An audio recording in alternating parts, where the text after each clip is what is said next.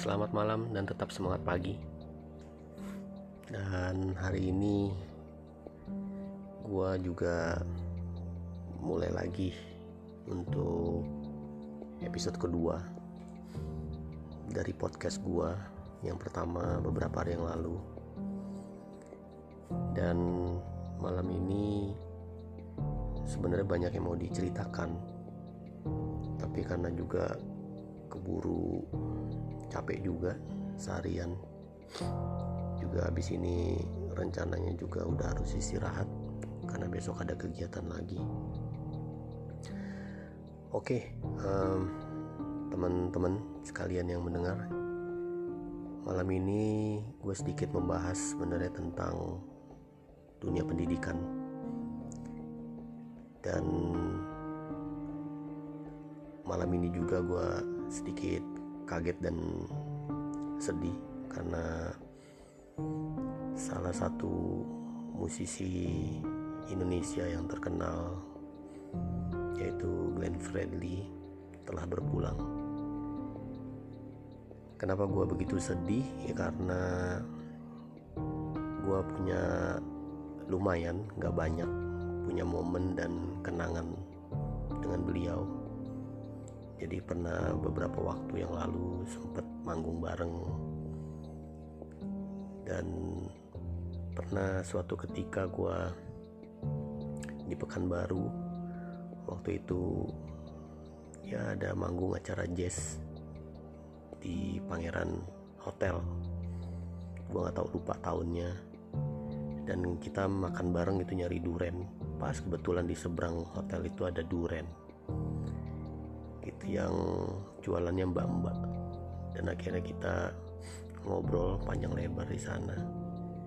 Nah itu momen yang seru waktu itu. Tapi ya hari ini sudah dipanggil Tuhan. Semoga diterima di sisinya. Dan pasti karya-karyanya menjadi inspirasi bagi kita semua. Karena gue dari kecil sangat-sangat favorit banget Bung Glenn Fredly. Oke, kita lanjutkan untuk bicara tentang malam ini yaitu pendidikan.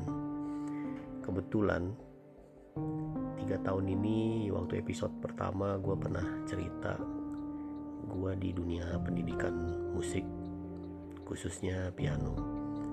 Jadi gue sedikit jelasin di sini kalau tiga tahun belakangan ini gue lagi konsen-konsennya terhadap pendidikan musik piano. Sejarah singkatnya jadi tiga tahun yang lalu itu gue berangkat ke Shanghai China sama partner gue dan juga bos-bos gue lah big boss. Berangkat bareng ke Shanghai dan ngapain di sana? Kebetulan setiap tahun itu di Shanghai itu ada pameran atau exhibition musik terbesar. Di dunia ini ada tiga pameran atau exhibition terbesar. Yang pertama di Los Angeles setiap tahun dan juga dulunya ada di Frankfurt Messe tapi sekarang sudah tutup. Ya karena imbas ekonomi juga kayaknya kalau di Los Angeles tuh NEM NEM Show. Dan kalau di Shanghai itu Shanghai Music Fair, Fair kalau nggak salah ya gue lupa namanya. Jadi tiga tahun yang lalu gue berangkat ke sana dan selama sekitar seminggu gue di sana. Dan gue melihat dunia luar tentang dunia musik di dunia industri dan di dunia bisnisnya jadi di situ uh, eh, gue open mind bahwa kita belum apa-apa di Indonesia ini. Dan gue lihat di sana bener-bener luar biasa. Tapi di sini gue nggak mau cerita tentang bagaimana tentang China ya. Nanti ada di episode-episode selanjutnya gue akan cerita apa yang gue lihat di sana. Kenapa hari ini dunia berubah ya salah satunya juga yang gue lihat di sana. Kembali lagi tentang Shanghai Music Fair. Ya, itu ya gue salah mungkin salah namanya gue lupa. Jadi gue sebut aja begitu. Oke waktu di Shanghai itu tujuan gue karena kebetulan gue pernah cerita bahwa gue produk spesialis jadi ya sebagian gue harus kerja dengan dunia gue juga uh, tentang produk terutama gue di keyboard dan di sisi lain sebenarnya tujuan utama adalah itu mencari pendidikan musik yang berbeda dari pendidikan musik pada umumnya.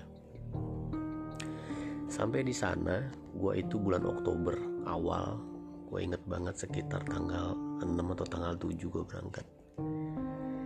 Dan akhirnya di sana kebetulan juga mungkin belasan celcius ya, jadi dingin banget. Apalagi kalau udah kena angin, view itu udah bener-bener kayak Scooby Doo gue itu bener-bener dinginnya minta ampun. Jadi ya di sana oke okay banget. Dan akhirnya gue melihat apa yang gue bisa lihat. Dan kebetulan tanggal 13 itu gue diajak big boss gue sama partner gue untuk makan malam di tempat yang mewah eh tiba-tiba dia kasih kalau di sana tradisinya ada ada arak itu dikasih arak dan gue disuruh minum ada tulisannya gitu. Jadi uh, permintaan lah istilahnya. Jadi gue mau minta apa? Baru gue inget acara itu memang khusus untuk gue karena gue ulang tahun. Dan gue bener-bener kaget dan happy banget karena jarang-jarang banget big boss gue bikinin acara ulang tahun gue dan itu di Shanghai bukan di Jakarta. Dan sangat mewah gue dikasih kue tar. Dan akhirnya kita makan bareng bersama. Tapi setelah itu ada sedikit ya bukan tuntutan sih ya tapi sedikit pertanyaan. Oke Rio kita sudah makan malam. Kira-kira uh, merek apa yang kita akan bawa ke Indonesia untuk pendidikan piano? Nah itu dia tuh. Gue bingung karena di pameran itu ada sekitar gue lupa ngitungnya mungkin ada belasan hall. Di dalamnya itu alat musik semua dan ada satu hall itu benar-benar pendidikan musik. Nah lu bayangin aja satu hall itu bukan satu dua perusahaan di bidang yang sama tapi puluhan yang gue harus pilih yang mana yang paling tepat untuk dibawa ke Indonesia dan akhirnya ya karena gue udah keliling sana keliling sini catat sana catat sini dan akhirnya gue memutuskan secara pribadi bahwa perusahaan ini yang gue harus ambil yang gue harus buka di Indonesia. Dan akhirnya dengan segala pemikiran dan lain-lain akhirnya disetujui lah kebetulan juga big boss gue juga sama pemikirannya. Ya oke akhirnya setuju dan akhirnya kita balik. Nah setelah balik ini akhirnya gue inget tiga tahun yang lalu bulan Maret kita mulai udah sounding-sounding. Sudah mulai membuka diri bahwa kita punya satu lain bisnis lagi tentang pendidikan. Dan kebetulan namanya itu The One. Jadi The One ini adalah satu perusahaan IT yang dikembangkan dan di di dalamnya ada salah satu investor uh, terkenal di China kalau lu buka-buka YouTube namanya Kai Fu Lee. Dan ini memang orang-orang tekno di China. Dan juga ada sahamnya di dalamnya ada Lang Lang pianis dunia terkenal dari China. Juga ada Stevie Wonder juga di dalamnya dan lain-lain banyak sekali. Dan akhirnya gue pilih itu kenapa? Karena secara perusahaan secara manajemen sudah sangat klop dan salah satunya adalah um, apa namanya uh, pelajarannya pelajarannya itu sudah ada bahasa Inggrisnya. Jadi sangat mudah untuk dibawa ke Indonesia karena kebanyakan perusahaan-perusahaan lain masih banyak bahasa Mandarin. Nah itu yang gue agak repot nanti kalau dibawa ke Indonesia. Nah akhirnya gue putusin kita jalani di Indonesia dan akhirnya bergerak. Kenapa gue ambil sistem ini? Karena sistem ini sangat berbeda dari apa yang sudah ada teman-teman lihat di Indonesia. Ya jadi kayak pasti teman-teman tahu lah saya nggak sebutin namanya di sini. Uh, apa namanya sekolah musik banyak yang besar-besar di Indonesia di Jakarta. Nah ini berbeda kenapa? Karena memakai sistem. Karena silabusnya ini sudah terintegrasi dengan sistem pianonya pun juga sudah terintegrasi dengan sistem ada aplikasinya. Nah itu yang buat buat gua wah menakjubkan menakjubkan sekali nih. Dan ini memang dikhususkan belajar piano dari dua setengah tahun sampai tujuh tahun. Itu startnya. Dan kenapa gue pilih di range umur segitu? Karena kalau secara bisnis ya range umur segini adalah market yang sangat besar karena sebelumnya gue juga punya buka sekolah berdua dengan uh, Mas Andi Ayunir. Sekolahnya tentang musik teknologi.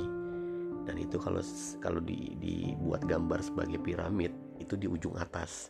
Jadi yang yang ikut itu orang-orang yang sangat-sangat butuh sekali untuk musik teknologi seperti memproduksi musik menjadi sound engineering atau menjadi composer menjadi arranger dan lain-lain. Tapi kalau di sini gue ambil marketnya lebih karena kecil karena ya ini yang paling banyak. Paling banyak marketnya. Akhirnya ya pilihan ini tepat. Dan akhirnya gue coba menjalankannya di Indonesia berdua dengan partner gue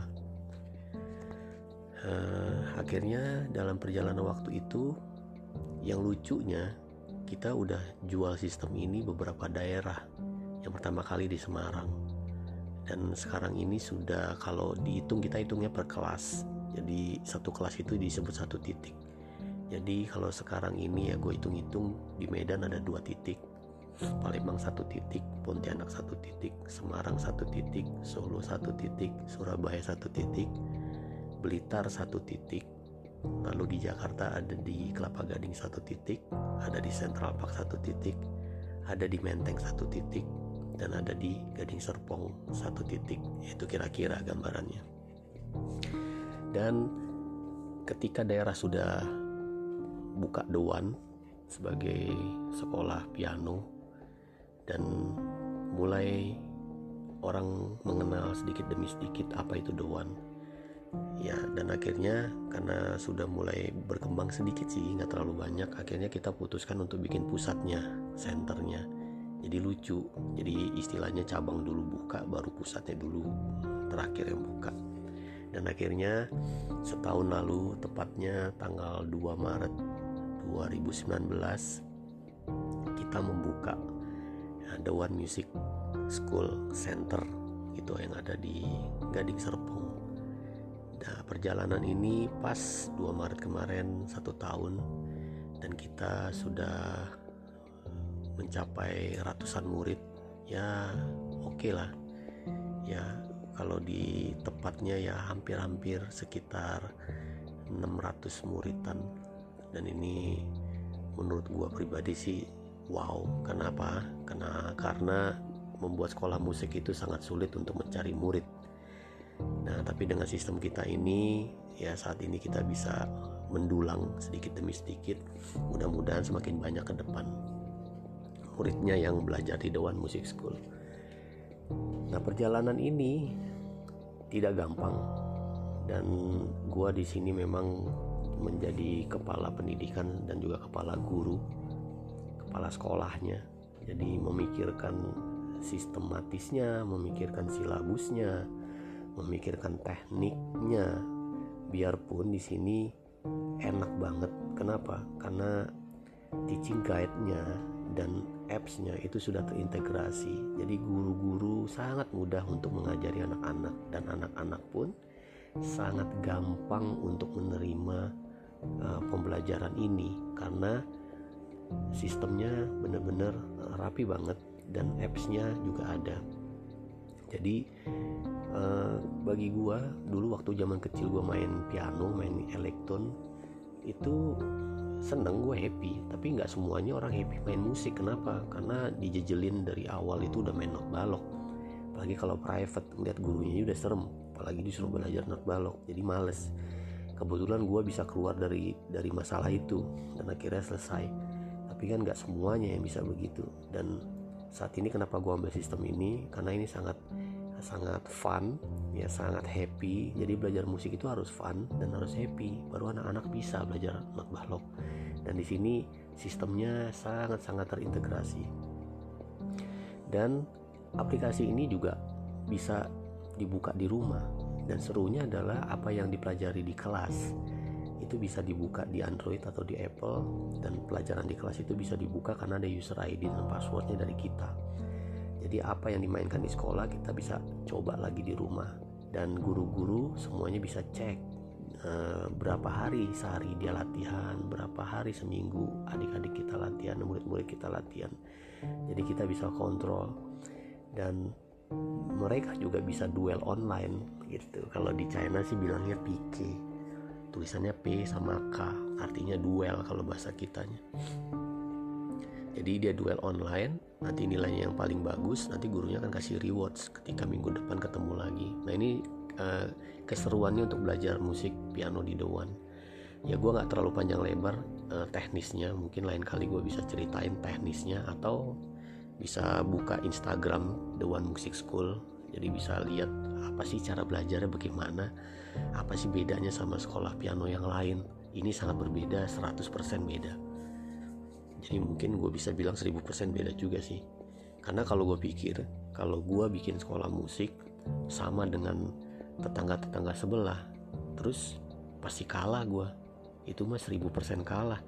Karena yang tetangga-tetangga udah jelas ada yang 50 tahun di Indonesia ada yang 20 tahun di Indonesia ada yang 30 tahun di Indonesia. Gak mungkin ngelawan. Jadi ya gue pikir harus cari yang yang sangat beda. Ya ini yang beda banget yang buat gue survive tapi kenyataannya tiba-tiba kondisinya sedikit beda karena kita satu dua bulan ini mengalami pandemi virus corona. Ini membuat segalanya menjadi berubah. 360 derajat nggak ya? Bukan lah ya 180 derajat oke okay lah. Berubahnya begini karena semua diliburkan sekolah-sekolah. Ujung-ujungnya nggak ada yang sekolah musik nggak ada yang les seminggu sekali. Akhirnya apa? Kalau kita uh, kalau murid-murid nggak ada yang les lalu kita bagaimana caranya untuk survive? Akhirnya gue berpikir panjang lebar sama partner gue di sekolah gimana caranya? Dan akhirnya kita putusin dengan e-learning. Tapi ini kan menjadi metode yang berubah dari apa yang ada. Akhirnya gue coba buat dengan tim-tim guru tim admin bagaimana caranya membuat dan sebenarnya yang harusnya seminggu sekali gue buat setiap hari lima kali seminggu. Kenapa begitu banyaknya? Supaya murid-murid bisa tetap berlatih di rumah dengan kondisi uh, eh, WFH sekarang ini. Ya tentunya daripada diam-diam di rumah ya oke okay, memang ada juga pelajaran untuk sekolah wajibnya ya tapi kita coba bikin yang lima kali seminggu. Ma, itu niat baik kita untuk melakukan hal itu supaya dari kalau bayarnya tetap bayar seminggu atau bayar sebulan tapi dapatnya lima kali. Karena kita di rumah ya udah kita coba kita bikin materinya sampai dua bulan setengah ke depan. Nah, itu nggak gampang sebenarnya. Tapi kita survive kita coba eh, berhasil membuat materinya dan kita cobalah Senin kemarin. Tapi apa yang terjadi? Nggak semua pemikiran orang tua sama dengan kita. Ya dengan kondisi saat ini ya. Dan gue sangat mengerti itu. Ada orang tua yang masih tetap kerja dikontrol dari kantornya. Nggak bisa um, menemani anaknya. Ada yang juga memang wifi-nya nggak punya atau wifi-nya lelet atau memang benar-benar nggak mau dulu libur dulu ada yang cuti ada yang out jadi segala macam faktor di saat ini. Dan akhirnya mau nggak mau kita nggak mungkin paksa nggak mungkin gimana gimana akhirnya kita putusin lah tadi hari ini bahwa kegiatan tetap menjadi kelas seperti biasa minggu depan per kelas seminggu sekali tapi tetap belajar e-learning. Kenapa kita tetap harus buat ini ya karena di situasi ini kita tahu sama tahu semua perusahaan tadi gue lihat di TV uh, bener atau enggaknya gue nggak tahu ya. Itu Ramayana karyawannya di PHK semua. Nah itu kan kasihan. Gimana kehidupan ke depannya nah gue di sini juga ada 19 orang. Kalau misalnya nggak nggak bergerak ya school fee nggak masuk apa jadinya nanti? Bulan depan gimana nah itu yang kita pikirkan bersama. Ya oke ini gue bukan curhat tapi kenapa gue cerita ini? Ini masalah pandangan tentang pendidikan. Kenapa orang tua mungkin uh, lebih banyak yang tidak mau mengikuti e-learning untuk musik uh, piano ini? Menurut gue intinya adalah salah satunya uh, sekolah musik ini bukan sekolah wajib. Ini masih second school. Jadi ya masih ya nggak ada nggak ada kewajiban atau hak pun untuk harus ikut atau nggak ikut gitu. Tapi kalau sekolah wajib harus ikut. Nah itu perbedaannya. Jadi kita juga nggak bisa maksa dengan kondisi ini. Ya harapan gue dengan cerita ini mudah-mudahan ke depan sekolah art ya uh, umumnya art itu boleh menggambar, melukis atau dance atau apa pun dan juga musik ini bisa dikategorikan menjadi sekolah atau les-lesan atau wajib sekalian gitu. Jadi bener-bener ini bisa didukung oleh pemerintah tapi gue nggak tahu. Kenapa gue minta ini menjadi salah satu uh, wajib? Karena menurut gue gue selalu bikin workshop sama orang tua. Gue bisa sebut namanya parents meeting. Itu beberapa kali selalu gue bikin pertemuan pertama, pertemuan ke-6, pertemuan ke-9, pertemuan ke-12 gue selalu bikin itu udah udah rutinitas gue untuk untuk parents meeting. Kenapa? Supaya open mind gitu, membuka pikiran, membuka cakrawala orang tua karena orang tua ini orang tua muda-muda semua anaknya masih kecil-kecil. Sharing bersama tentang dunia pendidikan. Di sini gue sebut pendidikan musik itu sangat-sangat penting karena apa? Karena bisa membalance ya, meratakan antara otak kiri dan otak kanan. Kita masih banyak yang lupa, orang-orang tua saat ini masih banyak yang lupa kalau anak-anaknya lebih diutamakan les fisika, les matematika, les bahasa dan lain sebagainya. Kadang-kadang lupa bahwa les art atau musik itu juga sangat penting. Bukan berarti les matematika itu tidak penting atau les bahasa itu tidak penting. Jadi dua-dua ini sama-sama penting. Kalau dua-dua ini diikut sertakan maka otak anak-anak kita ini akan uh, balance ya seimbang. Sehingga kalau anak-anak kita seimbang nantinya di dewasa dia akan bisa lebih disiplin lebih toleransi terhadap orang tua dan orang lain dan juga bisa dia lebih lebih sensitif untuk kepekaannya terhadap kehidupan atau pekerjaan dia suatu saat kalau dia bekerja dengan orang atau menjadi bos atau owner atau CEO atau pimpinan. Maka dari itu kenapa gue bilang malam ini uh, mudah-mudahan bagi yang mendengar ini uh, besok atau setelah selesai kondisi wabah ini segera anak-anaknya dileskan untuk dunia art terutama di musik. Karena musik ini semuanya dapat. Pelajaran matematika ada di dalam. Ya pelajaran hitung menghitung dan lain-lain semua ya lengkap.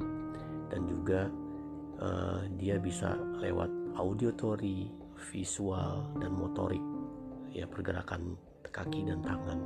Semuanya harus seimbang supaya dia bisa memainkan lagu-lagu yang indah dan akhirnya orang mendengarkannya pun juga menjadi indah dan akhirnya membahagiakan hati hati orang-orang banyak yang mendengarkannya. Ya itulah cerita singkat hari ini. Jadi sekali lagi kesimpulannya uh, pendidikan musik sangat penting untuk anak-anak kita terutama masa-masa emas dari sekitar dua setengah tiga tahun sampai 6-7 tahun itu masa emas emasnya mereka. Uh, ingatkan bahwa dunia musik ini sangat penting. Ketika nanti dia dewasa ini menjadi satu pegangan hidupnya mereka.